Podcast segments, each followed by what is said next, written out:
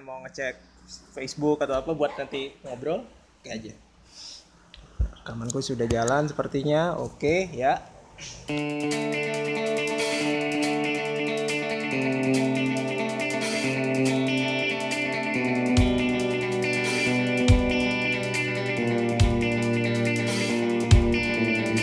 Oke, balik lagi di Lizana Podcast, sebuah podcast tentang mendengarkan dan didengarkan bersama saya Zulfian Rahman. Nah, ini double jackpot hari ini karena saya udah kehadiran dua orang.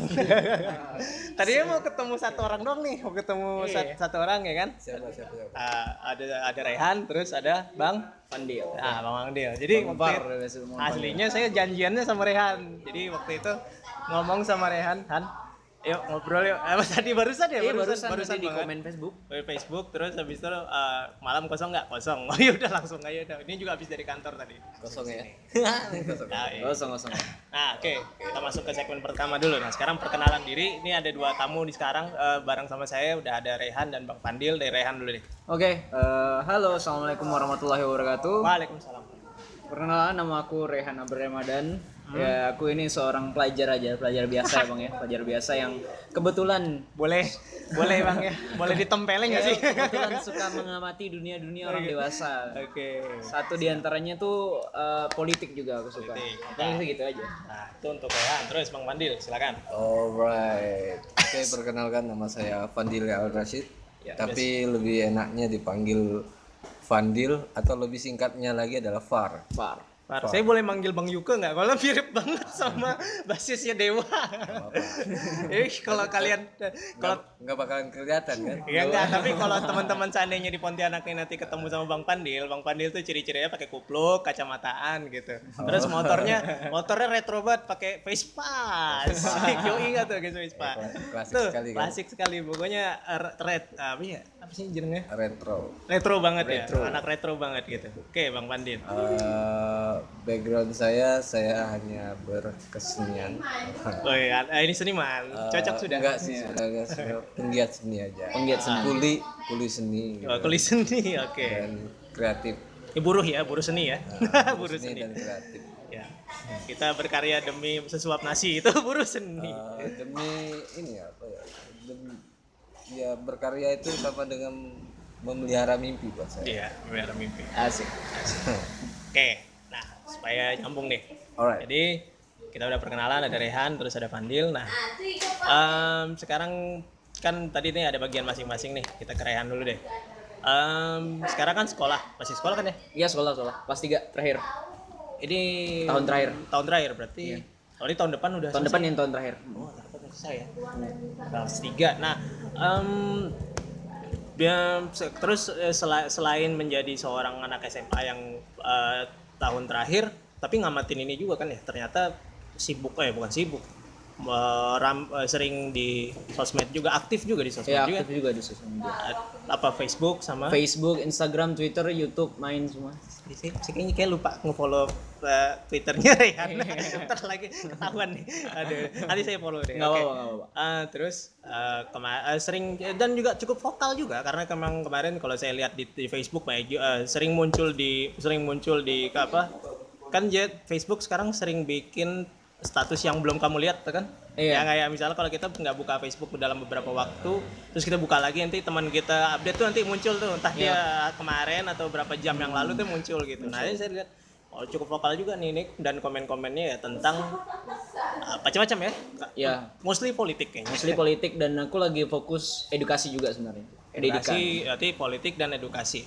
Nah, perlu teman-teman ketahui Rehan ini pernah di mana ya kan kemarin? Parlemen remaja. Ah, parlemen. DPR RI itu. Parlemen remaja masuk perma- eh, di parlemen remaja DPR RI beberapa bulan yang lalu kayaknya bulan apa bulan? September. Bulan Bulan September ya ya ya, bulan bulan September ya wow itu untuk untuk sebu seorang eh, anak atau siswa kelas waktu itu kelas 3 ya udah Kelas masih kelas 12. oh itu mulai kelas 2 Kelas 12, 12. kelas 12 Kelas 3 berarti. kelas 3 ya kelas Iya. 3 dan itu udah ada di parlemen remaja DPR RI itu sebuah pencapaian bukan sih kan Ya pencapaian yang luar biasa. Karena eh, notabene itu adalah sebuah event nasional ya, event nasional yang mempertemukan dari Sabang sampai Merauke. Hmm. Eh, itu ada 128 peserta, 123 peserta Gila. dengan total 124 peserta termasuk aku itu eh, mostly kita di sana beraktivitas soal eh, apa yang biasa dilakukan oleh DPR RI satu di antaranya adalah membangun dan mem- atau membuat undang-undang dasar Dasar ya. Undang-undang dasar gitu merevisi mengamandemen simulasi seperti itu Eh, eventnya berapa lama tuh waktu itu? itu waktu itu kalau nggak salah ya lupa juga lima hari empat malam Semingguan lah ya. Eh, semingguan. Semingguan Jakarta itu. Kalau waktu acara itu nginep di mana sih anak-anak? Eh, kami nginep di Wisma DPR RI. DPR, ada. ada. ada Wisma DPR RI-nya sendiri. Aku kira pertama kali lolos itu kan, Ah. nginepnya di hotel nih. Soalnya biasa-biasa event event nasional nih Ya, nginepnya di hotel. kan. di- itu kan Mostly hotel. di hotel. Sekali ngeliat Wisma DPR RI di mana nih? Sekali eh, jalan dari bukan jalan, kalau jalan nggak kaki malah. Eh, pergi dari bandara ke puncak rupanya Wisma itu. Wisma itu ada di puncak Bogor. Kemudian ngeliat eh itu kayak komplek gitu. Oh iya iya. Ah, kayak komplek besar banget itu tempatnya. Itu luar Berarti, biasa. berarti wismanya di Bogor, ah, DPR RI-nya di Jakarta. Iya di. Jakarta jadi pakai bus tiap kali mau Wow. pergi. Dan itu juga cuma ke Asik juga. Nah, nggak cuma ke DPR RI juga. Ke mana aja tuh? Kemarin eh, juga waktu itu kita kunjungan kerja ke BSSN, Badan Sandi dan Siber Negara, yang ngurusin Oh, iya. ya, yang ngurusin soal internetnya Indonesia gitu. Eh by the way, BSSN tuh bag- termasuk bagian dari Badan Intelijen bukan sih BIN? Bukan ya? Bukan. Beda sendiri berarti. Dia ini gini eh correct me if I'm wrong ya. silakan. Eh, kalau nggak salah tuh BSSN itulah bentukan dari presiden nggak salah. Oh, itu khusus. bentukan- yang khusus badan- untuk ini. badan khusus ya? Badan khusus dia. Ya ya.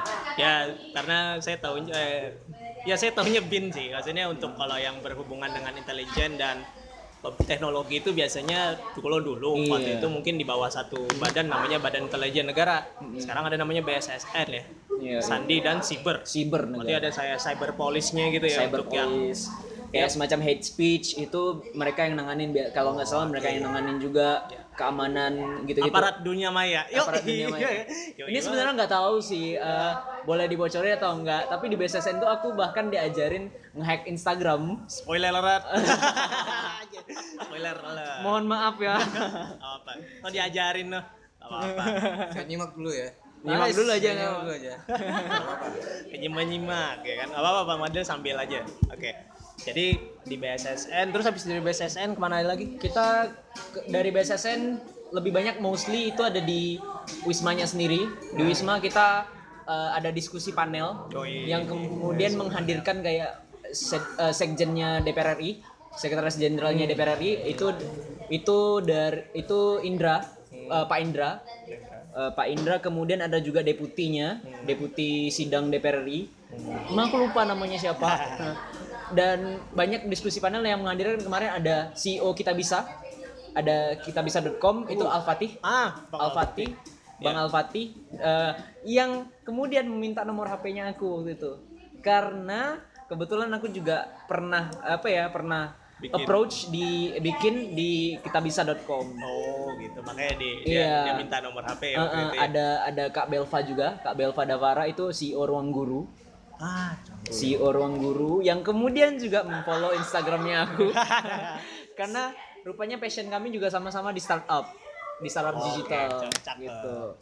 banyak juga sih di, ada ada ke mana ada ada banyak sih diskusi eh, pemateri-pemateri yang luar biasa banget udah udah profesional di bidangnya.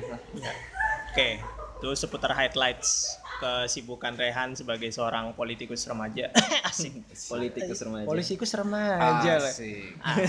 Bang Oke, Far apa kita, nih politikus kita seni terbang sekarang menuju Bang Pandit.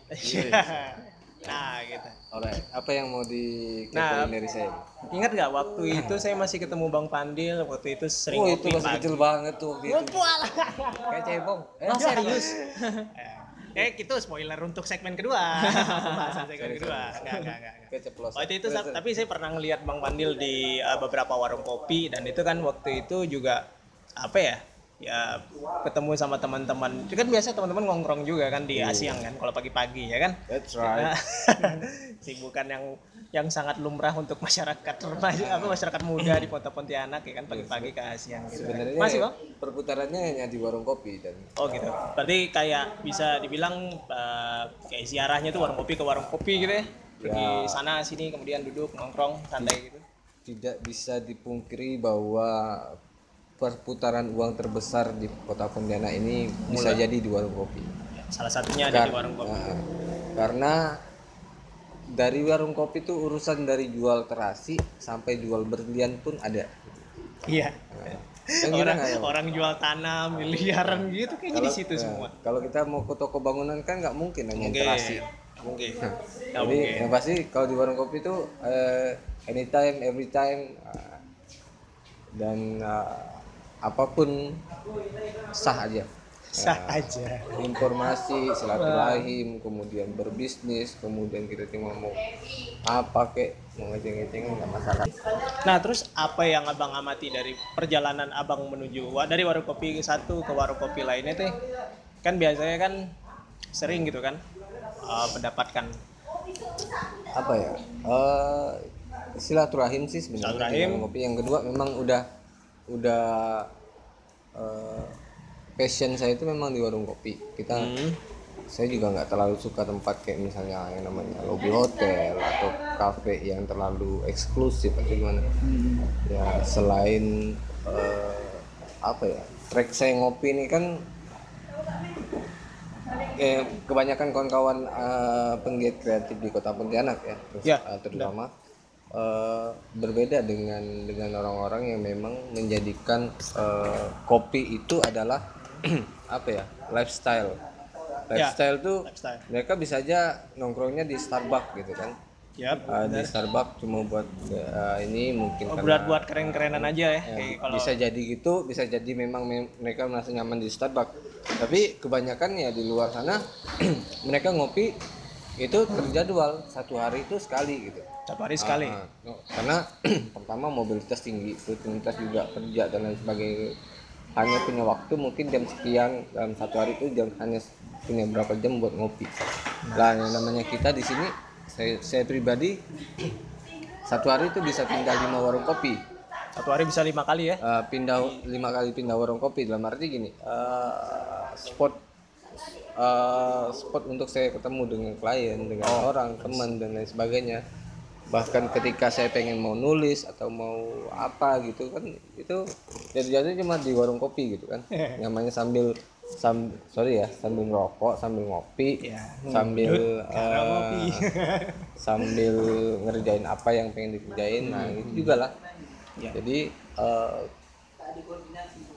menurut saya tidak ekonomis kalau saya nongkrong di tempat warung kopi yang mahal misalnya katakan kisaran harganya antara 35 sampai 50 ribu eh, per gelasnya gitu kan Per gelasnya. oh, kaliin aja 5 250 buat kopi 250 doang gitu kan satu, hari- satu hari dan itu per hari. buat kopi doang gitu kan belum lagi Ah, parkir. ah, belum parkir belum rokok belum cemilan eh, makan ya untuk ukuran orang seperti saya kan tidak realistis kok ngomong harus pengeluaran seharinya 500 ribu Ya. oh cuma buat kayak gitu Dan Ah, yang hanya untuk saya dan hanya untuk passion aja tuh kayaknya tidak realistis gitu realistis. Ah, mending ya cari tempat yang memang sederhana asik murah meriah hore kemudian kita semua teman-teman bisa ngumpul mau dia orang kaya ataupun dia orang orang uh, dari apa tingkat ekonomi tinggi sampai bawah dan menengah itu ya mereka bisa aja masuk gitu ya. Dan Ah, dan kita kayaknya lebih membumi katanya Iya. Oke, membumi adalah lebih membumi adalah satu kata yang tepat untuk menutup segmen satu sepertinya. Oke, teman-teman kita akan lanjut di listen up untuk segmen kedua kita break sejenak.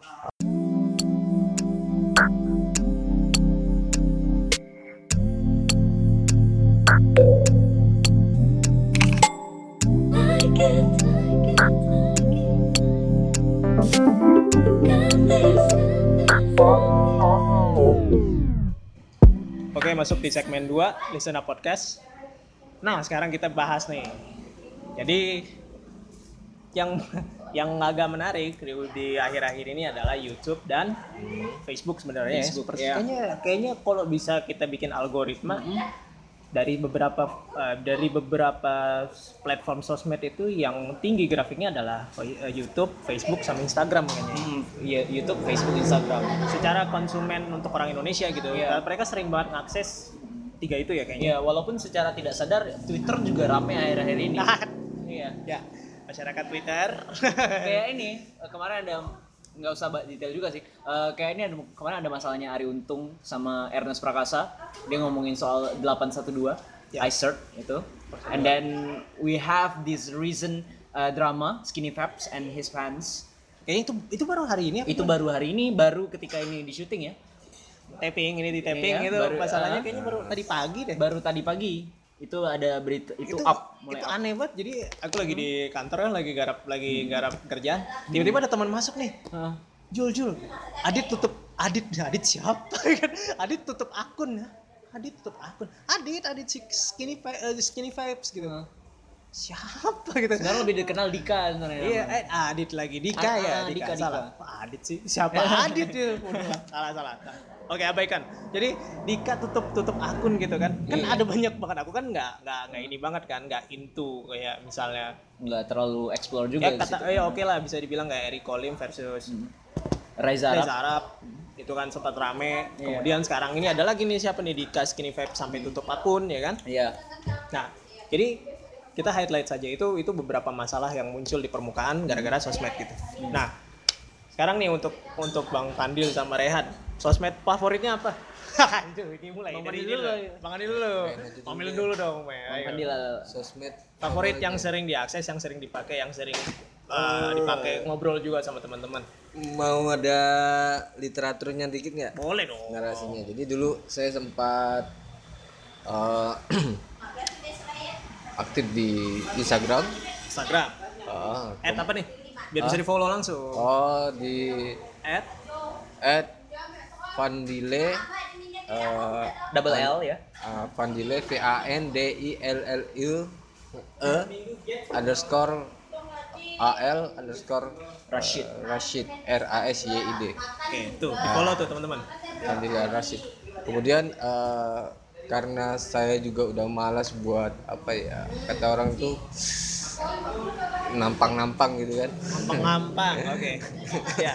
Iya, saya saya merasa bahwa kalau kalau kalau Instagram tuh ya untuk orang keperluan bisnis dan lain sebagainya itu maka kejarannya ada kualitas. Tapi buat buat kita cuma buat buat apa? Buat eh, pengen ngehit atau lain sebagainya tuh. Oh, pengen ya, muncul ke ah, permukaan. ah, itu ya maka kejarannya adalah kuantitas gitu. Kuantitas. Tapi pada akhirnya belakangan ini beberapa bulan belakangan ini eh, saya disenangi dia disenangi bukan disenangi sih. Menyenangi. Eh, menyenangi disenangkan diri saya oleh eh, kegiatan menulis Oke. Nah, dan itu saya belajar dengan guru saya Bung Beni Sulastyo Ya. Hmm. nah, dan saya juga akhirnya Tamu berikutnya. Oke, siap. siap. Spoiler alert. ketemunya dengan dengan Raihan Mhm. ah, juga di menulis akhirnya ah, kemanfaatan itu eh, lebih nikmatnya tuh di Nulis. eh, di Facebooknya jadinya Facebook. Oh, jadi Facebook Ah, sekarang. sosmednya why kenapa Facebook pertama kalau saya misalnya eh, membuat apa eh, tulisan artikel eh, itu nggak ada batasan kata-kata Ya. Hmm, Nah, jadi kalau kalau misalnya Instagram tuh hanya sampai berapa karakter gitu, udah nggak bisa lagi kita. Uh, Jadi kalau Instagram kita caption panjang itu potong ya? Kepotong. Auto kepotong apa bisa masih Au- Auto kepotong, tiba-tiba kepotong gitu. Tapi kalau di Facebook mau Panjang apa pun. sepanjang apa pun, sepanjang hidupmu aman. Aman. ya. Yang kedua video. video? Ah, kalau video di Facebook juga nggak ada batasan. Kalau di Instagram hanya batasannya per menit 59 detik. Iya. Ya, itu untuk Instagram. Oke. Nah, yang ketiga adalah ah, di Facebook kita lebih interaktif. Ah, kita lebih apa ya?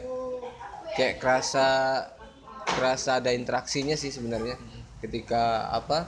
Ketika te- eh, postingan kita di testimoni sama orang, kemudian ada yang komen, kemudian kita gini membangun diskusi dan seru gitu. Siapa aja bisa masuk, kemudian ya sebenarnya di Instagram juga bisa tapi sejauh ini biasanya orang-orang yang di Instagram adalah orang-orang yang hanya suka eh, apa ya nge-like gitu kan. Nge-like nge-like nge-like gitu. Ah, yang keempat di Facebook tuh kita bisa nge-share. Nge-share. Kalau bisa punya artikel eh, kalau artikel kita bagus di share sama temen. Tapi kalau artikel teman bagus juga kita share gitu. Nah, kita suka gitu kan habis kita like kita komen gitu gitu gitu wah ini kayaknya ada manfaatnya nih kalau misalnya entah ada yang membuat satu artikel tentang kayak misalnya saya punya kenalan Bunda Eliza tuh kemarin eh, membuat eh, apa tulisan tentang bagaimana eh, perjalanan dia eh, merawat ibunya ya Iya. yang mengalami biasa. penyakit kanker stadium 4 Iya. yang akhirnya bisa disembuhkan gitu kan Oke. Ah, itu ditulis sama beliau dan itu banyak sekali yang nge-share dalam arti gini eh, satu tulisan itu bisa menjadi satu kebermanfaatan kalau memang pada media yang tepat gitu. Iya. Ah, dan saya merasakan itu juga di Facebook Ah, kalau di Instagram kan kita nggak bisa nge-share Mhm. Ah, kalau kita- Bisa, cuman ma- pakai aplikasi ah, pakai lagi. aplikasi lagi Repost kan namanya Ah, ya, repost repost lagi Instagram. report jadinya kan bukan repostnya repot sebenarnya Jadi repot Instagram ya. Jadi ya nggak nggak masalah sih sebenarnya Ah, dan eh, akhirnya saya sekarang lebih intensnya di Facebook jadi kawan-kawan yang mau follow apa eh, Facebooknya juga sama tuh. Facebook Pandil saya, Al Rashid juga. eh, V A N D I L L E spasi Al A L Rashid Al Rashid. Pandil. Al Rashid. Ya, itu kalau teman-teman mau uh, cari di suggestion tem- pertemanan langsung klik aja, eh, ketik aja Fandil Al Rashid gitu. Akan Al Rashid. muncul orang ganteng banget. oh nah, itu ngomongin logo salah aja lagi tuh. sih. logo Profilnya itu foto profilnya logo, aku ingat banget. logo logo far, Far. eh, warna kuning ya kalau beruntung ya ketemu eh, Udah bukan yang black and white lagi ya bang ya? Kalau dulu kayaknya masih yang detektif banget ya.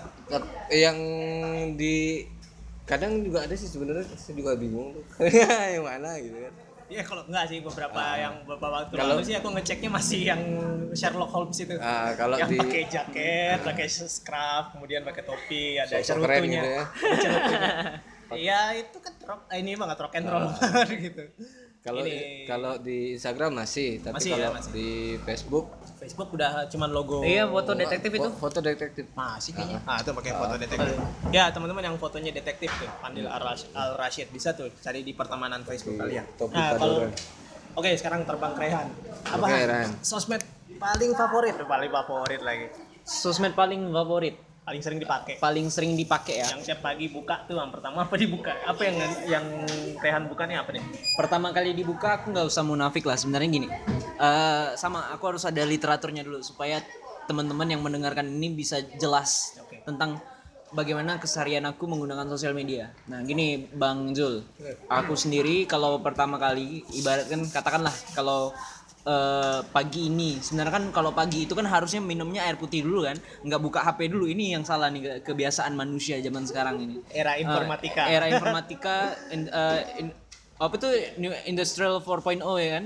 Eh, itu sudah mem- 4.0 sudah membuat kita menjadi manusia yang serba serba gadget. Ya, sebagai gadget. tapi tapi, tapi ada satu uh, satu masalahnya. Nah, kenapa karena kita tidur di samping kita tuh gadget bukan air putih. Bukan ya juga sih gitu kan. Jadi Heeh. kayak udah udah udah manusiawi sekali. Udah lumrah Jadi aja sekarang ya. bangun gitu nolehin kepala ngeliat langsung gadget gitu. Iya. Yang pertama alarm, alarm sholat. haram. yang kedua kita ngecek eh, jam jam berapa Iya. sekarang Mm. eh pas ngeliat jam tiba-tiba Heeh. ngelihat ada status ada komen dan lain sebagainya malah asik situ Iya asik gitu. Push- push Oke. notification. eh, kalau aku sendiri ya, kalau aku sendiri itu pertama kali kalau buka HP itu selalu sebenarnya situs berita dulu bang. Situs berita itu eh, lebih ke Tir- Tirto. Tirto. Tirto. udah ada ada, ya? apps-nya. kan? Aku buka apps eh, apps-nya Tirto. Eh, selalu. Karena kebiasaan aku adalah eh, baca dulu. Kalau membaca apa yang Nice. apa yang menjadi apa yang baru di Indonesia ataupun di dunia. Tapi kalau sosial media sendiri aku lebih eh, memang memang lebih bukanya biasanya sih Instagram. Instagram. Walaupun memang Facebook aku juga sering buka. Memang kadang-kadang berganti-gantian sih Oh, iya. antara Facebook dan Instagram. Hmm. Why aku uh, Instagram tidak bisa dimungkiri juga. Hmm. Aku adalah generasi Z. Eh, sebenarnya aku ini bukan hitungannya bukan generasi milenial sih, generasi Z. Z itu kan dari 2001 sampai 2000 eh, 2000-an ke atas lah. Rehan mulai eh, 2001 aku. 2001, oh, 2001 aku. Jadi aku juga kadang-kadang salah persepsi juga aku milenial milenial padahal aku generasi Z. Z. Oke. Nah, kalau di Instagram aku itu beda penggunaan aku adalah eh, sebenarnya kenapa aku menganggap bahwa Instagram ini penting bagi aku karena pertama adalah di situ aku bisa mem- eh, di situ aku bisa juga eh, lebih dominan memberikan pemikiran aku soal foto-foto ataupun eh, anything that I want to post i- di situ. Bisa aja s- fun-fun aja, Apaan boleh? ah. fun-fun boleh itu harus penting ya manusia harus bisa terhibur. Fun-fun Ka- kalau biasanya di instastory kadang-kadang aku lebih banyak soal tulisan-tulisan tulisan-tulisan yang bi- bisa ditulis di situ kan di stories. Eh, itu banyak banyak juga me- karena anak muda itu approach-nya tidak lagi di Facebook bang di Facebook kan lebih banyak ya Oke. yang aku lihat dari perspektifnya aku adalah lebih banyak itu eh, anak-anak milenial yang sudah umurnya eh, delapan- 20 tahun ke atas tapi kalau Instagram itu lebih banyak anak-anak muda di situ yang eh, yang menggunakan sosial media di Instagram. Jadi kadang-kadang kalau aku sendiri eh, supaya lebih enak juga memberikan suatu pemikiran eh, aku lebih enak di Instagram. Walaupun tulisannya juga kata Bang Fadil itu Bang Fadil itu singkat dan selalu kepotong. Bukan kepotong sih sebenarnya itu Iya kepotong sih ya karakternya tuh terbatas. Terbatas dia kan. Nah, jadi kadang-kadang juga aku eh, resah dan juga kadang Instagram itu kalau foto dia itu nggak bisa dispasi. Kalau dispasi dia langsung tek gitu langsung Waduh, gak enak. eh, tiga paragraf langsung gitu. Makanya kalau aku nulis kalau soal menulis juga itu mainnya ke Facebook, atau dulunya aku tuh mainnya blogspot main main juga aku blogspot nulis juga Anak blogspot. anak blogspot dulu aku Netizen netizen sekalian. Aduh, gitu jadi blogspot. mm, kalau di Instagram aku sering ngepost foto foto yang baru ini aku post ini kalau teman-teman nontonnya awal mungkin foto terbaru yang kalian lihat itu foto eh, yang aku di DPR RI kebetulan juga yang tadi kita Ah, ya, bicarain Kita bicarain tadi aja. yang di parlemen remaja dan ya kalau teman-teman lihat juga caption-captionnya aku sebenarnya itu banyak banget soal Cerita- cerita ceri- caption. cerita soal caption itu soal eh, mem- memengaruhi teman-teman Nah. karena goals aku itu Ya. But uh, aku tidak ingin menyebut diri aku sebagai influencer. No. Big no. Aku ma- followers aku masih seribuan, nggak ma- seribu masih seribu dua ratus itu Oke. masih seribu dua ratus aku belum belum sampai di tahap itu dan Iya. banyak juga kalau memang enak memengaruhi anak muda itu lewat Instagram memang Hmm, kalau di Facebook aku lebih banyak approach yang lebih serius Lebih Ah, serius di Facebook lebih serius ya panjang ya. panjang edukasi dan juga politik aku suka dua hal itu lewat pasti, Facebook lewat dan Facebook dan itu akhirnya bisa menjadi tempat untuk mencurahkan aspirasi juga ya. Iya, benar. Mm-mm. kayak gitu. Berarti Bang Pandil sama Bang Rehan eh sama Rehan ketemunya pas ini lah ya waktu kelasnya Bang Bung Ben ya? kita ketemu kapan bang Kapan oh enggak ini pas di rumah Bung Ben di rumah Bung Ben waktu apa ya Waktu itu Idul Adha bukan sih ya? bukan Bukan ya? Se- sesudah Eh yang pas eh, asap ini loh. Ah Pas Deklarasi asap bukan? Pak, sebelum. bu- Iya, sebelum waktu sebelum itu saya kabut asap. eh, Rehan sama Bang Koja. Bang Oja. Oh, jadi dibawa sama Bang Koja akhirnya bertemulah kalian ya. ketemu di situ saya dengan Bung Ben kemudian ada satu ini kemudian iya sebenarnya apa ya sama Bung Ben juga kita eh, baru ba- kenalnya udah lama waktu itu. Eh, cuma pengen kolaborasinya tuh pas itu ketemu sama Rehan pas. dan bawa-bawa ke sininya kita lebih sering banyak diskusi Iya, interaksi ngopi bareng. Interaksi ngopi eh, bareng. kemudian bagaimanapun pada akhirnya ya sah nggak sih sebenarnya saya mau mau mau mengatakan ini tapi eh, ya Bung Ben kan saat ini menjadi apa ya menjadi martir buat buat kita teman-teman eh, apa teman-teman dari literasi teman-teman dari LSM teman-teman dari eh, beberapa komunitas-komunitas eh, untuk maju dan mencalonkan diri menjadi anggota DPD, DPD RI, gitu. Benar. Kalbar. Nah, dan itu beliau uh, beliaulah yang menjadi harapan kami kelak menjadi corong aspirasi kami. Jadi ya selama ini memang tidak ada daripada apa uh, perwakilan industri kreatif yang duduk di Iya. sana sehingga ya why kenapa Melihat- wajar oh gila Melihat Wah, kenapa? Bung Ben ini. Wajar. Wajar. Siap tuh, Siap. banyak tuh.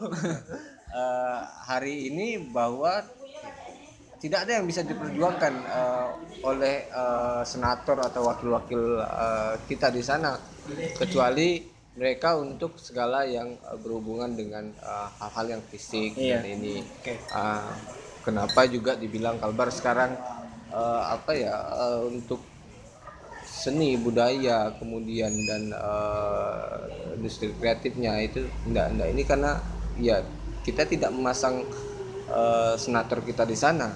Pejuang eh, apa eh, corong aspirasi kita di sana tuh nggak ada. corong Ah, ya. jadi ibarat kalau kita mau masukin air dalam botol kan harus pakai corong tuh. Ya. kalau nggak ada corongnya ya banyak keluar keluar maksudnya cuma dikit nah. Jadi memang harus ada corong jadi. Nah, jadi saya pribadi Rehan dan beberapa teman-teman memang eh, berkomitmen untuk bagaimana eh, di 2019 ini Bung Ben eh, Bisa naik. bisa naik sebagai eh, Anggota DPD RI. anggota, anggota DPD RI Kalbar Iya. eh, yang nomor urutnya adalah 24 tuh udah dikasih. Waduh. Udah lengkap tuh visi, misi, no. Terus tambah lagi nomor urut. Iya. Tinggal tapi kurang. tapi eh, kami walaupun sama-sama beker- bekerja sama di ini untuk memajukan Bung Ben, kami tet- eh, sebenarnya tanpa Bung Ben maju pun kita sudah Ah. akrab, sudah berteman memang memang dan setelah mau itu menang ataupun kalah, kami nggak bakal udah stop di situ aja, Nah, tetap ini- interaksi Ini gitu. juga nih bagus nih bridging yang bagus untuk uh, kita bicarakan selanjutnya adalah nih sebagai anak muda pasti selalu punya keresahan dong. ya kan? Yoi. Anak Always. muda pasti punya keresahan, kita juga pasti dan anak muda tuh kayaknya enak ya punya senjata namanya aspirasi. Jadi kalau dia misalnya kayak galau dikit terus udah tuh bikin apa pun yang misalnya ini harus disampaikan nih. Ya, yang yang tua-tua juga punya banyak aspirasi cuma sebenarnya tapi link mereka lebih banyak gitu.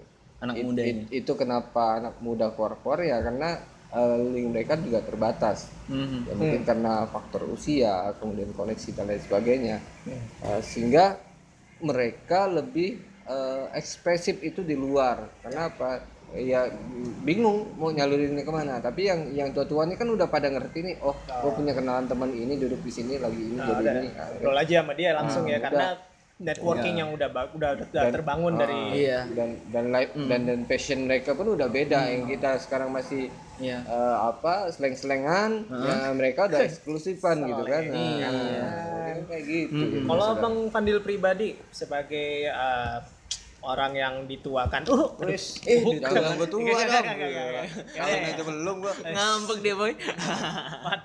Jadi uh, apa nih kalau misalnya aspirasi atau keresahan yang Bang Fandil sekarang rasain tuh apa? Eh, Apa yang biasa nulis apa aja? untuk uh, saya kalau menulis tuh lebih kepada hal yang umum, lebih kepada keseharian. Jadi kita uh, tema-temanya ya tema-tema bumi gitu. Tema-tema bumi yang yang lebih rakyat, yang lebih Merakyat ma- manusiawi gitu ya. Kita nggak bicarain politik malah. Kalau Uh, kalau Bang Fandil pribadi malah nggak ngomongin politik. Enggak, malah. Eh, karena gini, eh, passion saya memang lebih kepada apa ya, kepada budaya dan seni budaya gitu ya. Eh, sedangkan Rehan kan memang fokusnya di bidang politik, tapi bagaimana pada akhirnya untuk generasi milenial yang akan datang, politik itu eh, udah tercerahkan, wah tercerahkan. Eh, metode-metode yang memang pada akhirnya kami eh, apa diberikan oleh Bung Ben ajarkan kepada kami kami kemudian satu apa filosofi-filosofi yang mereka yang dia apa paparkan kepada kami bahwa itu menjelaskan bahwa hari ini eh, apa ya politik kita tuh udah kayak enggak bernalar gitu. Kita udah udah apa udah udah udah melupakan nilai luhur eh, politik bangsa Indonesia ini sendiri.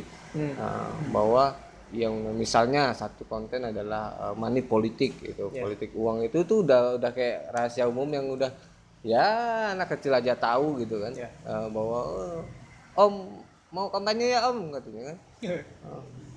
Om berani kasih berapa buat suara bapak sama emak saya? Dia bilang kan kayak gitu kan bahwa anak kecil tuh udah tahu gitu bahwa politisi itu ketika eh, untuk mendapatkan eh, apa eh, suara dari dari masyarakat mereka harus beli tuh suara dengan nilai entah berapa gitu. Ya masyarakat kasih duit ya suka-suka aja dan ini ya.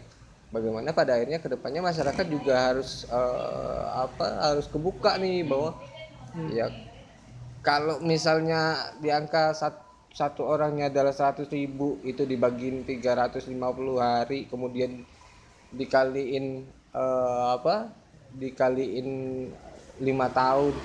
Itu ya nggak nyampe seribu gitu kan. Per harinya suaranya gitu kan.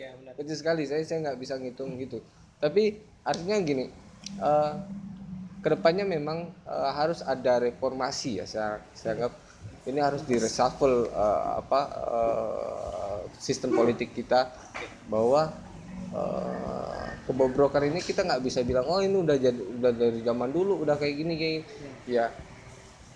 Dulu Indonesia itu susah untuk merdeka gitu kan. Eh, perjuangan Indonesia untuk merdeka ini bukan hal yang mudah 350 tahun kita dijajah oleh Belanda Portugis kemudian Jepang. Eh, lalu eh, secara apa pun itu udah mustahil gitu. Eh, tapi dengan niat dan dan apa eh, dan perjuangan eh, dan pengorbanan itu bisa terwujud Ah, tapi atas kebulatan tekad bersama ya seluruh eh, rakyat eh, Indonesia. Lah kita kalau memang mau merubah sistem politik yang bobrok hari ini yang menurut kita ya ah, yang dengan money politiknya, dengan KKN-nya, dengan gini, dengan dengan kecurangannya, dengan sekarang udah main hoak, dan saling menjatuhkan dan lain sebagainya. Ah, itu jujur sebelum saya mengenal Bung Beni Sulastyo saya jijik dengan dengan politik. Bahkan saya sempat berpikir untuk alah ngapain lah saya mau ikut pemilu gitu kan. Memilih ini memilih sempat memutuskan untuk golput berarti Ah, ma- belum golput sih. Golput juga golongan gitu. bukan maksudnya terlintas untuk nggak pilih, terlintas untuk tidak memilih? Eh, terlintas untuk untuk tidak melintas saja malah saya. Nah, bingung kan diksinya? Terlintas untuk tidak tidak melintas Ya udahlah biarin aja jangan masuk situ. Yo nah, jadi oke. dibiarin aja. Nah tapi ketika itu dijelaskan bahwa ini seperti ini ya bagaimana kita buat satu visi dan misi bersama untuk supaya apa? Supaya eh, oke kata Bung Ben saya pasang badan eh, ideologi kita akan eh, ini kalau kawan-kawan sesuai yuk kita sama-sama eh, apa memperjuangkan ini.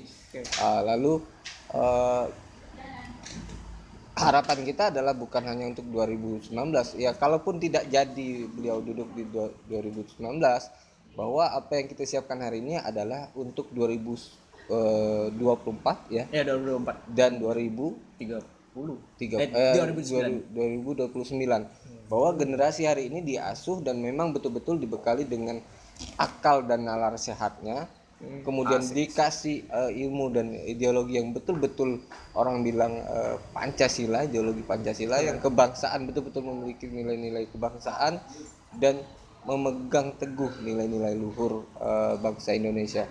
Jadi tidak ada yang eh, ya itulah kalau mau jadi politikus yang memang punya harus punya kapasitas.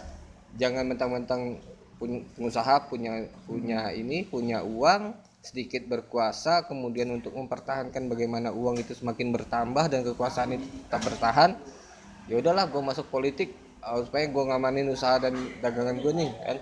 Nah itu kan nggak fair bahwa sebenarnya nggak punya kapasitas gitu. Ketika duduk ngomong gitu malah nggak tahu dia.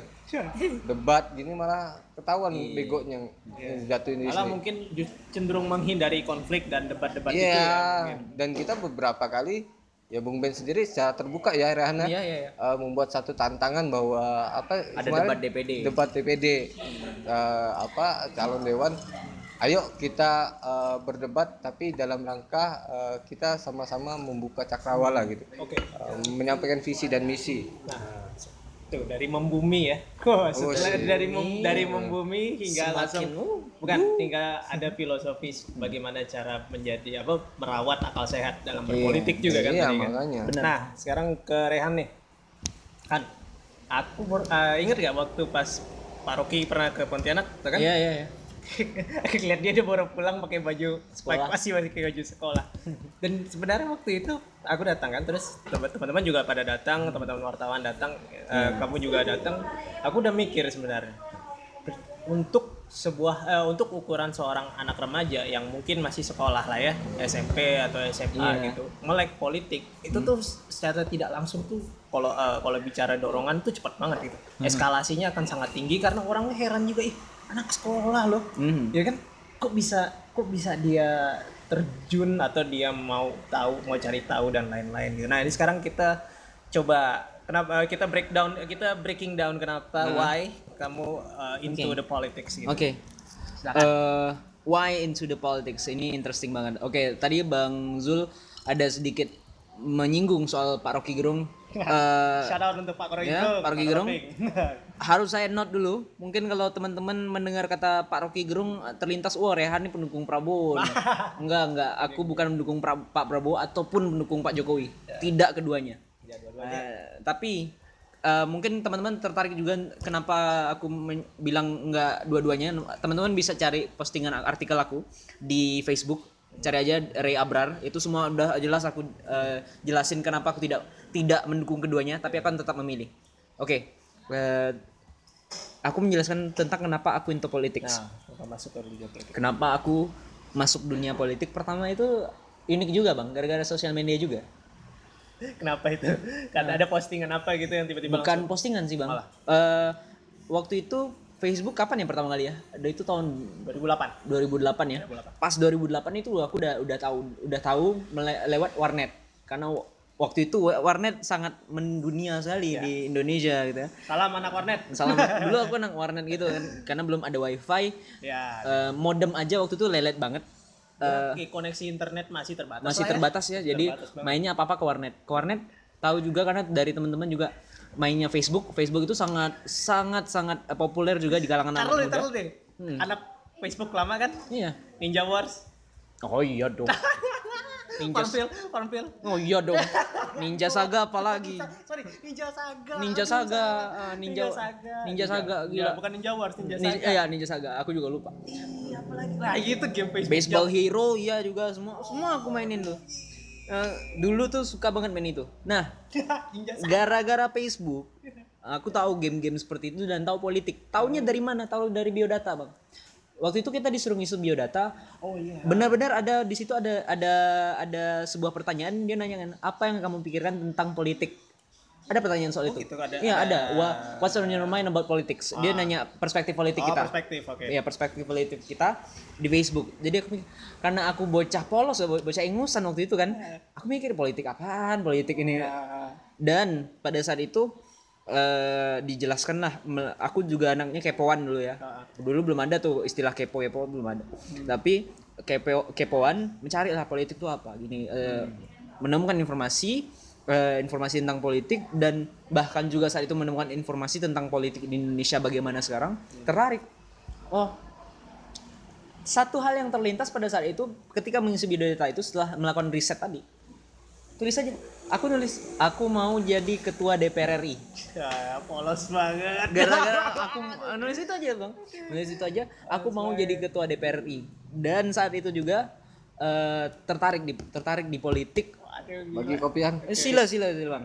Eh, tertarik di politik dan Hmm. kemudian membahas politik itu tahu bang pertama kali aku bahas politik sama teman-teman aku yang masih umurnya sebaya pada tahun 2008 Eh, itu gila banget bang. Bahas politik sama anak-anak sebaya kayak enak. kayak kalau kalau orang Jakarta kan pasti mikirnya lo ngomong apaan coy? Nah, kalau kalau kita orang Melayu apa buat kamu nih? Gitu kan Uh, berat, sekali gitu berat amat itu nggak ngerti.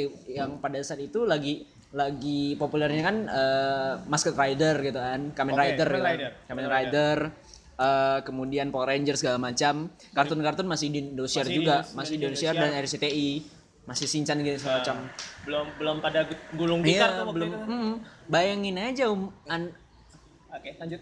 sorry gue duluan. eh nggak apa-apa Ah, Eh, buat netizen semuanya teman-teman yang lagi dengerin eh, tiba-tiba ada panggilan kerja.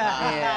Aduh, kaca. Eh, biasalah kita nggak nggak punya yang namanya yang orang kita nih kan nggak punya jam kerja tapi juga nggak punya hari libur Ah, jadi any, Itulah- eh, anytime harus standby Ya, gitu. itulah freelance. itu, itu, itu definisi singkat freelance tuh.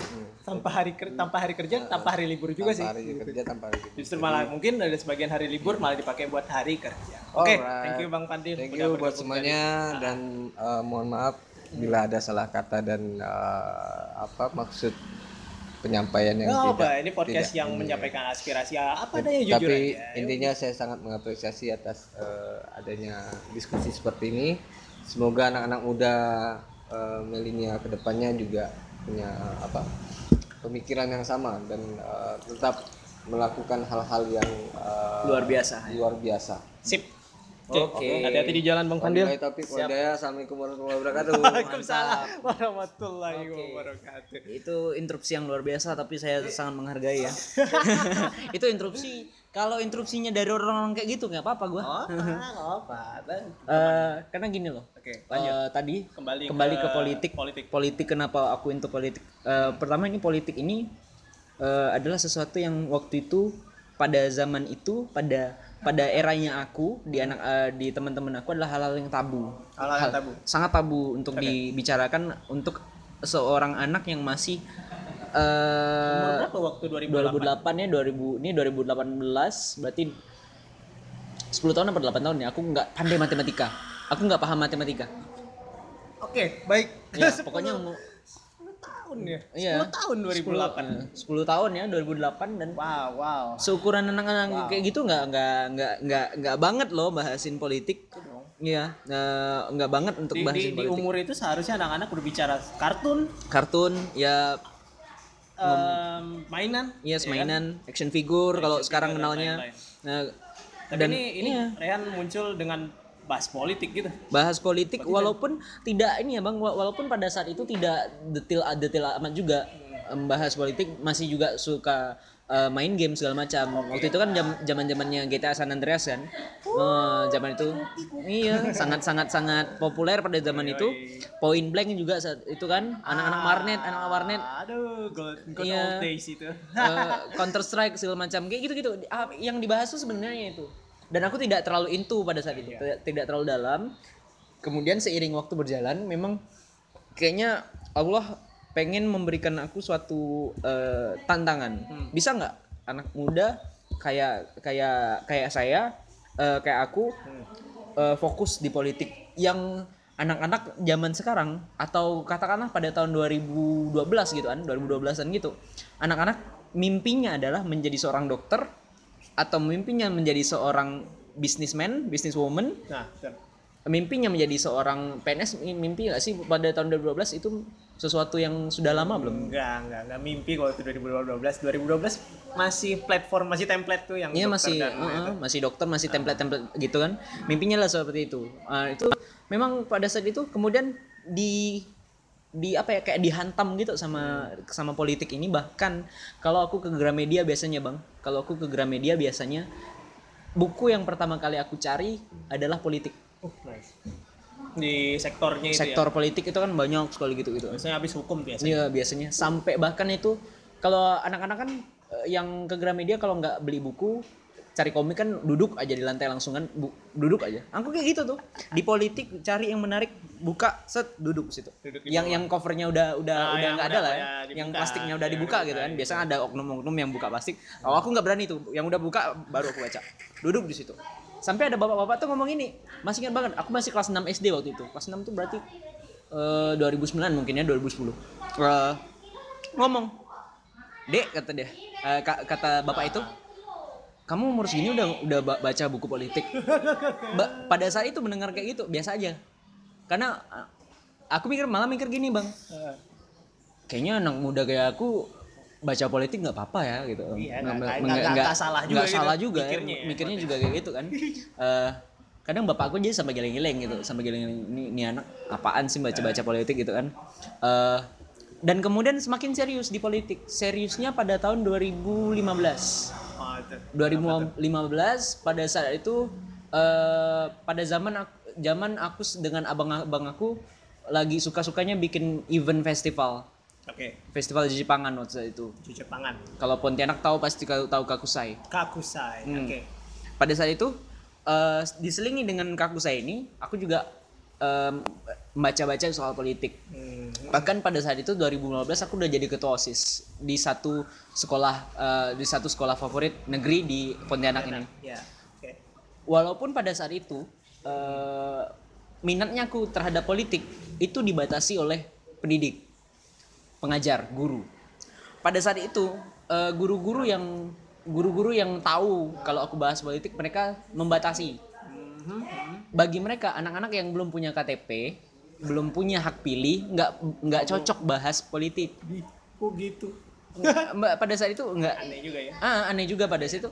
Nggak usah lah bahas-bahas politik kan gitu. Eh, mending mikirin nilai kamu aja. Bener juga tapi maksud aku kenapa seorang anak eh, anak anak badas itu umur 14 ya? kenapa dibatasin 15 kenapa dibatasin? Padahal eh, bayangin aja aku punya mikir anak zaman sekarang itu harusnya tahu soal-soal kayak gini.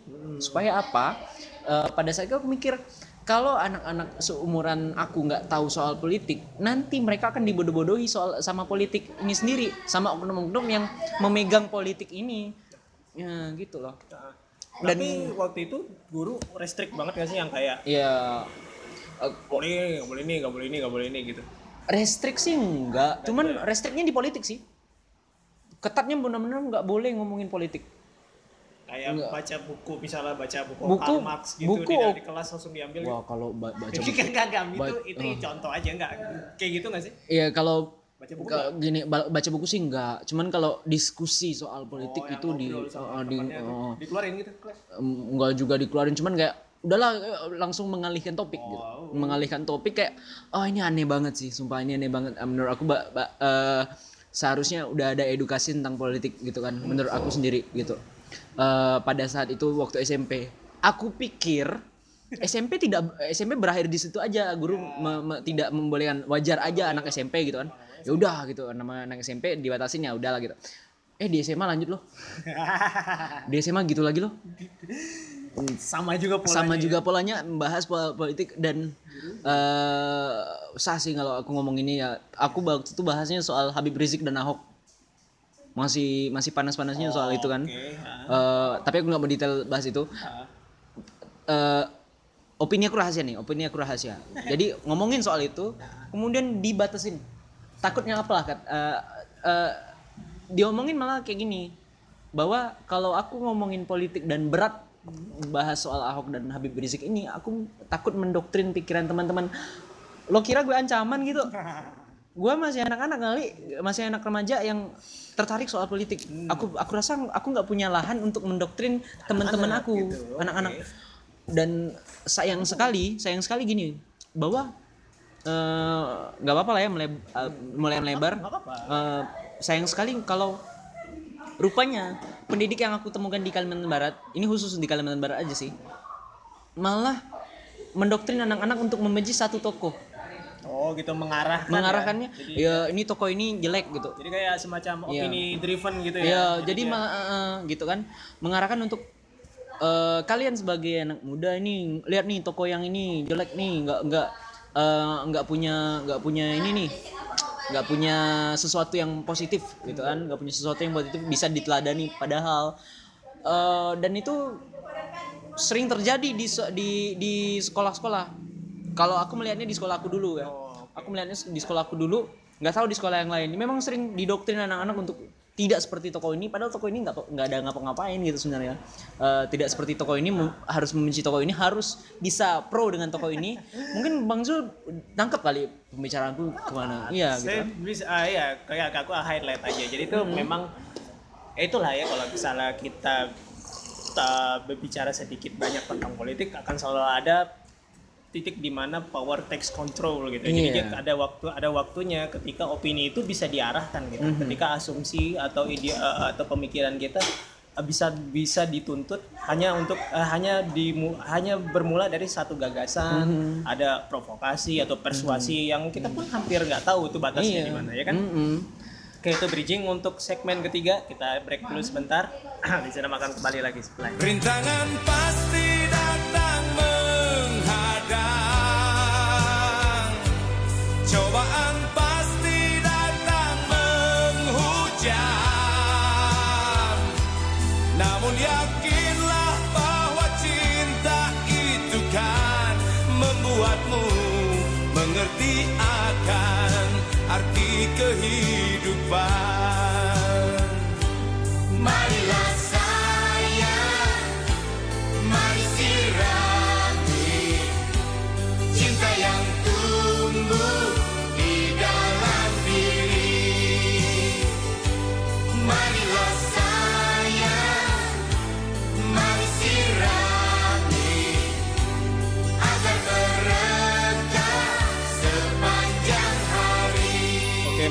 masuk di segmen terakhir. Nah ini tadi kita udah panjang lebar why into politics. Kemudian Bang Fandil tadi yang sudah pamitan duluan. Juga pembicaraannya ternyata memang eh, di, di fre- frekuensinya ada di politik ya. Politik kemudian tapi di Raihan adalah anak masih rem- remaja ya kan. Pandangan pandangannya tentang politik sebagai seorang remaja sebagai seorang yang masih bersekolah. Kalau Bang Fandil tadi pandangan politik sebagai seorang yang sudah lebih dewasa aja gitu ya ya anak muda tapi nggak mau bilang tua kan tadi kan. Keceplosan. Oke nah nih tiga nih. Ini adalah tips dan saran. Nah sa- sekarang kita tang- tanggal berapa nih Des- pokoknya di Desember ya. Ya Desember ini tanggal 12 sekarang tang- kita tapping tanggal 12 mudah-mudahan naik besok. Eh, Desember Ah, pemilu April 2000 19. 2019 berarti ada Desember Januari Februari Maret lima bulan lagi Iya. ya lima bulan lagi mendekati pemilu Lebih Dan- tepatnya 91 hari lagi. Oke, itu udah countdown ya. Itu udah, countdown udah ya. countdownnya Udah udah, countdown. sampai 91 hari. Nah, banyak banget keributan yang terjadi, banyak banget ya bisa dibilang chaos juga ya. Iya. Chaos banget. Hah? Kemudian oke lah dari semua dari semua hal-hal yang pelik yang terjadi, konflik yang terjadi, chaos yang terjadi di sosmed, keributan yang terjadi di Twitter, Facebook, Instagram dan lain-lain. Tips dari seorang Raihan bagaimana cara merawat akal sehat di Oke. tengah di tengah tahun penuh maha chaos ini gitu. Oke, oke, oke, oke. Minjam istilahnya Bang Farid. Oke, Eh, silakan. jadi gini, teman-teman yang masih merasa punya akal sehat dalam menghadapi banget eh, iya, merasa. yang masih merasa karena payah ju- eh, susah sulit juga kalau rupanya tidak punya gitu. Sulit ya cari diksinya sulit ya, ya. sulit cari diksinya gitu. Eh, Oke, teman-teman, eh, untuk kalian yang ingin merawat akal sehat, kalian menghadapi ataupun muak dengan pemilu ini, teman-teman aku saranin ad- adalah yang pertama adalah jangan bosen-bosen untuk membaca. Jangan Jangan bosen-bosen baca. Pertama itu. Baca apa aja nih? Baca Be- kalian suka novel, baca. Kalian suka ekonomi, baca. Kalian suka koran aja, baca aja. Kalian suka literasi soal politik, baca. Tapi apa aja begitu. Eh, apa yang bisa kalian baca, silah silakan dibaca, tapi jangan eh, tidak ini tidak tidak tidak penuh dengan sepenuh hati. Karena sering kali sering kali kita menemukan gini orang yang membaca orang yang membaca tapi tidak menganalisa kembali apa yang ia baca itu menjadi bumerang bagi dia. Ingin memberikan suatu perspektif atas apa yang dia baca kemudian ia sebarkan sebarkan kembali entah itu melalui Facebook ataupun melalui eh, mouth to mouth mulut ke mulut yang rupanya setelah dianalisa kembali itu salah gitu. Oke. Iya, karena gini, ada juga yang sering dia baca sekali dari artikel itu, tapi tidak tidak mencari ar- eh, artikel yang lainnya, Oh berarti nggak cross check lah ya istilahnya. yang nggak cross check dari itu. Itu yang kemudian jadi bumerang, senjata pengantuan jadi hoax. Gitu. Apa yang dia baca itu sebenarnya hoax. Walaupun Asyik. eh, dari tatanan kata itu udah udah meyakinkan banget kan dari artikel itu. Sering kali itu ditemukan oleh teman-temannya aku ya. Pengalaman dari kawan teman-temannya aku juga yang sekali yang bacanya cuma sekali aja, nggak dipakai diteliti lagi, nggak pakai dianalisa lagi, jadilah korban hoax tadi itu. Nah, jadi jangan malas membaca dan, dan jangan trauma membaca. Jangan trauma membaca. Jadi ada juga yang trauma ya. ada yang trauma membaca gara-gara gara-gara hoax itu. Nggak nggak nggak nggak lagi percaya nggak nggak percayaan sama artikel-artikel. Karena gini loh teman-teman. Kalau teman-teman adalah orang yang malas membaca dan uh, trauma membaca seperti itu misalnya ya it's okay. Tapi teman-teman aku aku berikan satu pertimbangan bahwa Indonesia saat ini kita semua udah tahu kayaknya literasi kita ada di peringkat dua terbawah. Dua terbawah Buruk gitu. Iya, peringkat dua terbawah atau paling bawah nggak tahu ya. Ya. Itu 0, tingkat persenannya itu 0,00001 persen. Nggak salah, nolnya ada 5. Nolnya ada 5. Itu Lima. jadi dalam satu tahun kalau nggak salah yang aku baca dalam satu tahun ada cuman ada satu anak yang menghabiskan satu buku Dalam dalam tuh? dalam satu tahun. Dengan persentase tadi berarti. Iya, cuma ada satu anak satu buku. Bahkan kalau anak-anak yang oke katakan anak-anak yang suka baca, itu pun bacanya cuma setengah, setengah, setengah dari buku itu aja nggak sampai habis. Ini yang kita khawatirkan Gitu. sekarang. Jadi nggak dihabisin. Nggak dihabisin. Anak-anak tuh kalau dari penelitian cenderung malas membaca kalau dia udah get the point. Kalau dia udah- udah get, get the point, langsung dia langsung end Oh, tutup buku. ya, gitu ya, buku. tutup udah. oh udah selesai. Ini aku udah tahu poinnya gini. Padahal sebenarnya poinnya penting kadang tuh poin pentingnya ada di akhirnya kadang kan. akhir, ada udah di akhir ada di tengah awal tuh mungkin segala macam.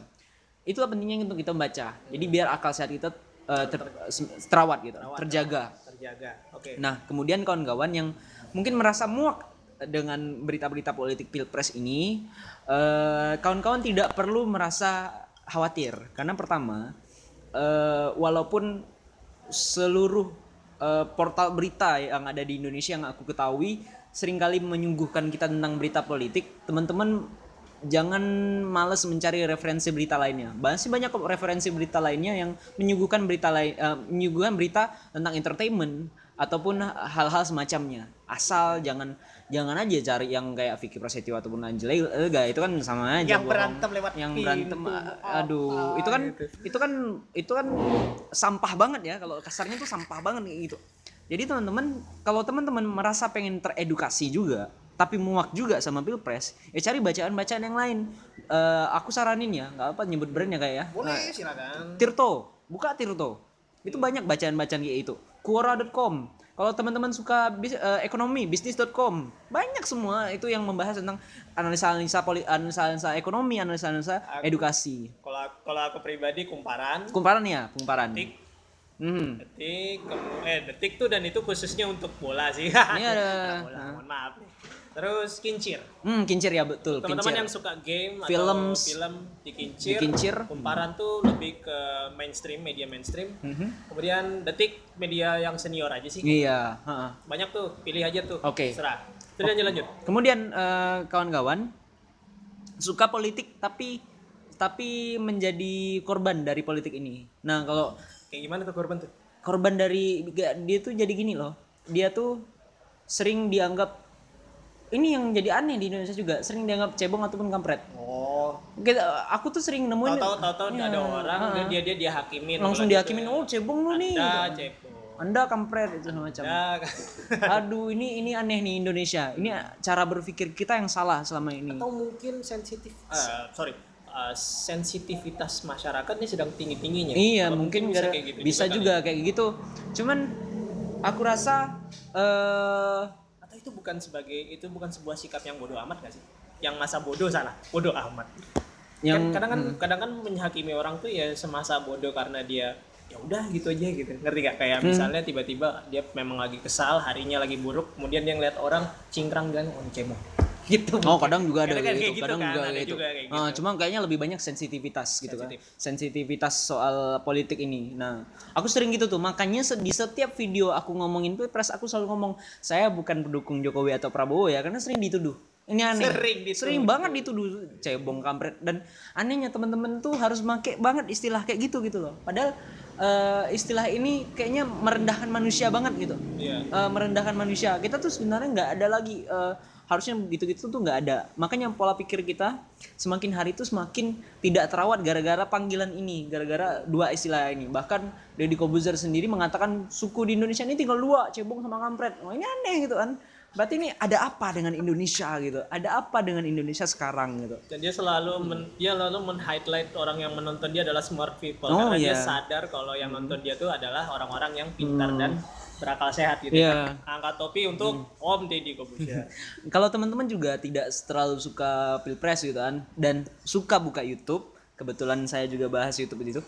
Kalau memang suka politik, buka coba GeoLive ID, GeoLive Mbak Kania. Mbak Kania Cita Kania Cita Erlani itu yang yang sebenarnya juga menjadi satu di antara korban dituduhnya tadi itu. Dia tahu nggak dia kenapa dia muncul ke permukaan? Eh ke mana? Gara-gara baca yang bahas LGBT itu loh yang waktu pas di iya, iya. Itu kan ILC bahas. dia bahas. Kemudian dia orang kan pada ngumpulin dia kan. Dia punya channel YouTube terus naik loh. Hmm. Naik. Followernya naik.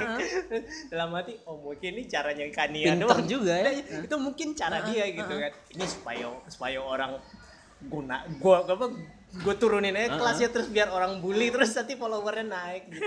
bagus juga bagus bagus bisa Oke. dicoba Rehan Bisa dicoba itu. Oke, oke. gitu. Tapi kena tabok orang tua habis itu. ditampar habis itu Lu kenapa ini? Mas? Kayak gitu. terus lain Oke, eh, kalau teman-teman juga tertarik sama pilpres misalnya, kalau teman-teman yang tertarik pilpres, cuman tidak mau eh, apa ya, tidak ingin terlibat perdebatan, teman-teman cukup menjadi seorang pemberita aja. Tapi pemberita bukan sebagai jurnalis. Buzzer mungkin? mungkin biasa bisa dikatakan seperti itu. Namun kalau teman-teman eh, aktifnya di penulis ya teman-teman aktifnya di penulis tertarik juga meliput soal pilpres ini.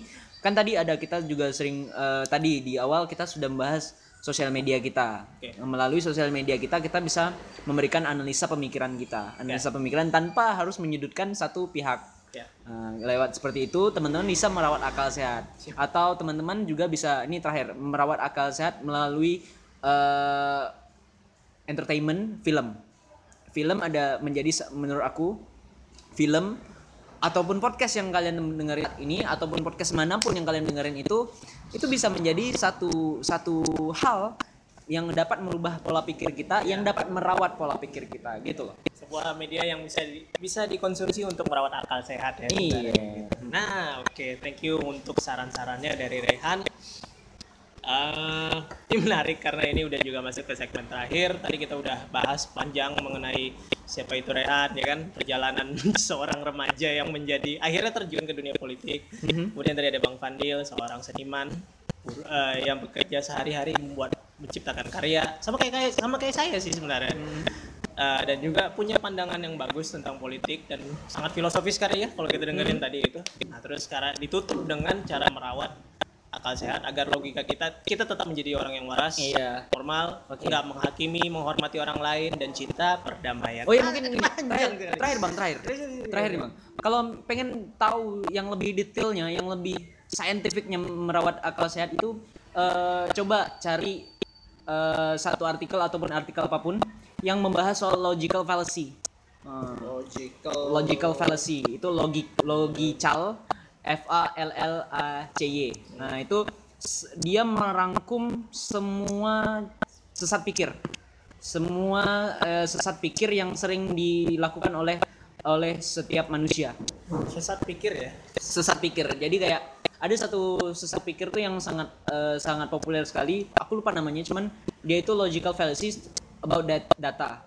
Eh, sesat pikir soal data. Jadi di mana kita mengambil sebagian sebagian besar persentase data kita jadikan suatu konten yang lalu kita bilang misalnya 50% orang yang merokok akan meninggal dunia. Nah, lalu kita jadikan data untuk menja- menjustifi- justifikasi. Justifikasi. Iya padahal belum tentu itu benar gitu. Maksudnya oke dari data itu sudah benar tapi kenapa tidak uh, tidak mem- apa ya mempertimbangkan presentasi berikutnya yang yang di samping itu gitu. Oh, itu bisa dise- itu itu disebut Sesat pikir, sesat pikir ya. Oke, logical fallacy. Logical Ya, fallacy. itu bisa jadi konten yang bisa teman-teman cari nanti.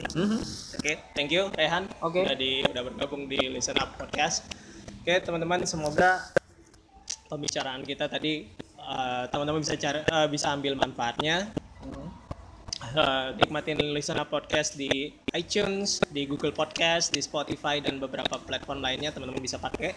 Kemudian eh, terima kasih juga untuk Bang Pandil yang eh, nanti eh, Rehan sama Pandil nanti saya ini aja masukin ke link description Siap. teman-teman bisa masuk dan teman-teman bisa cari linknya langsung di Spotify. Siap.